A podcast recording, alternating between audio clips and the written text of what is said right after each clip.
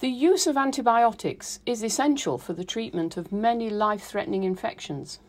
Throughout the world, infections are proving increasingly resistant to the antibiotics that are currently available. This growing phenomenon can be attributed to the widespread incorrect and, in many cases, even unnecessary use of antibiotics. Antimicrobial resistance, known as AMR, poses a major challenge to public health and puts patients' lives at risk. According to forecasts, unless things change, by 2050 we can expect more than 10 million people to die annually due to bacteria no longer being sensitive to antibiotics. There is no doubt that urgent action is needed to minimise resistance to antibiotics. Minimising resistance and achieving the best possible use of antibiotics is not just the responsibility of a single group or discipline, but the joint responsibility of everyone connected to the healthcare sector. Interdisciplinary cooperation is a necessity. However, such collaboration on its own is not enough.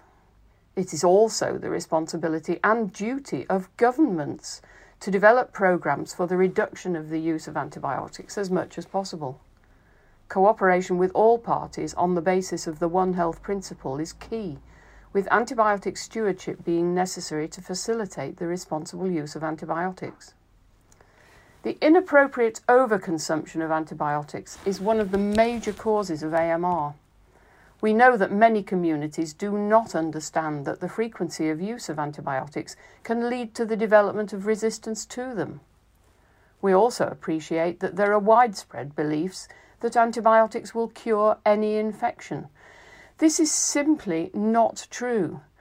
And, for example, for dental infections, it is frequently more appropriate for a patient to receive clinical treatment to solve an infection swiftly and safely.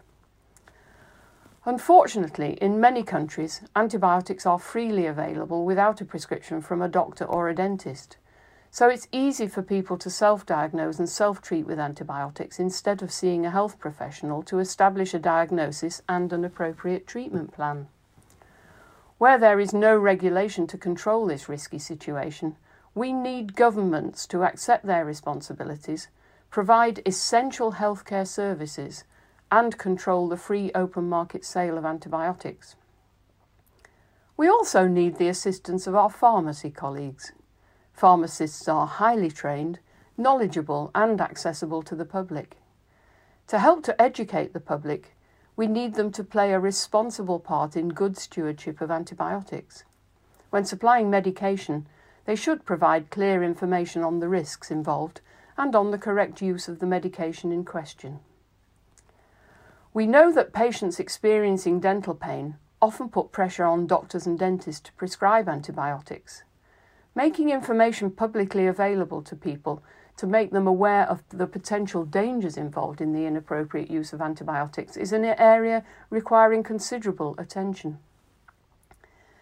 Human health cannot be viewed separately from animal health. When we consume animal products, such as meat, we often ingest antibiotics unintentionally without even noticing it.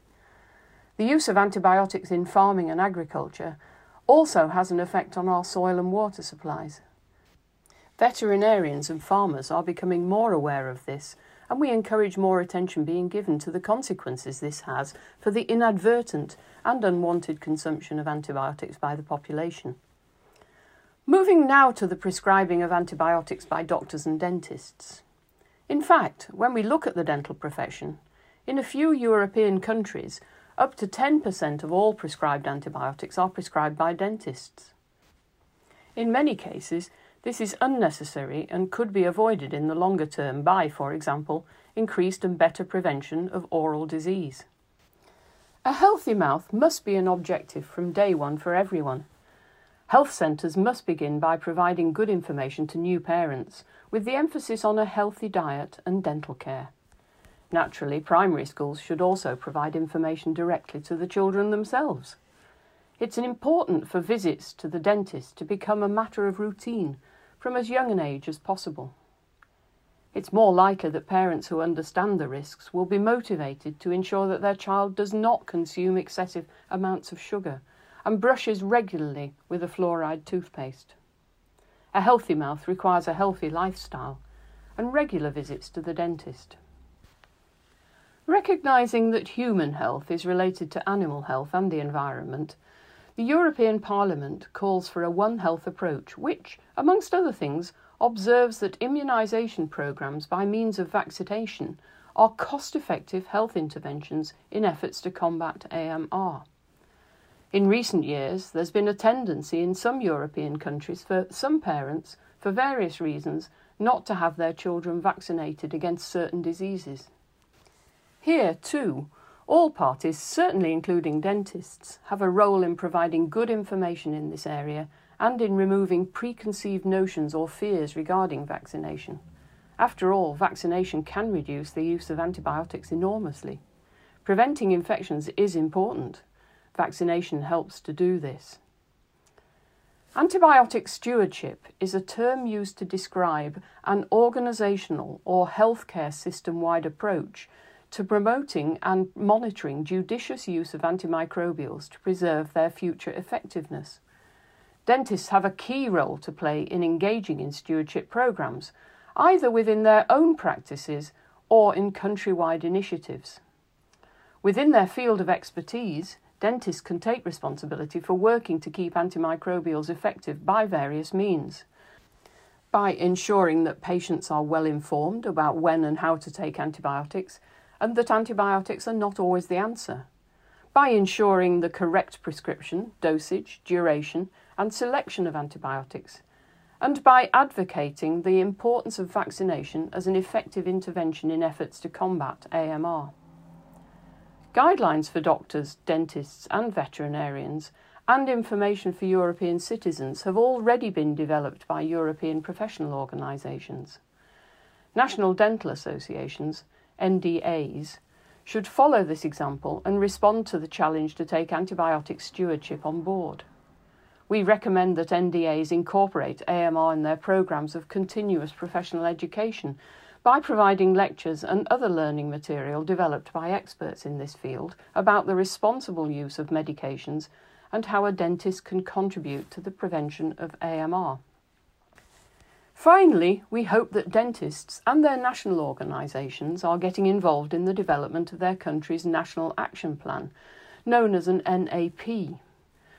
All countries must have an NAP, and without our active influence, the contributions that the dental profession can make in this important public health agenda will be ignored. To summarise, tackling antibiotic resistance is a complex issue where urgent action is needed and which requires a range of disciplines to work together. In partnership with doctors, veterinarians, and pharmacists, the dental profession has a significant role to play.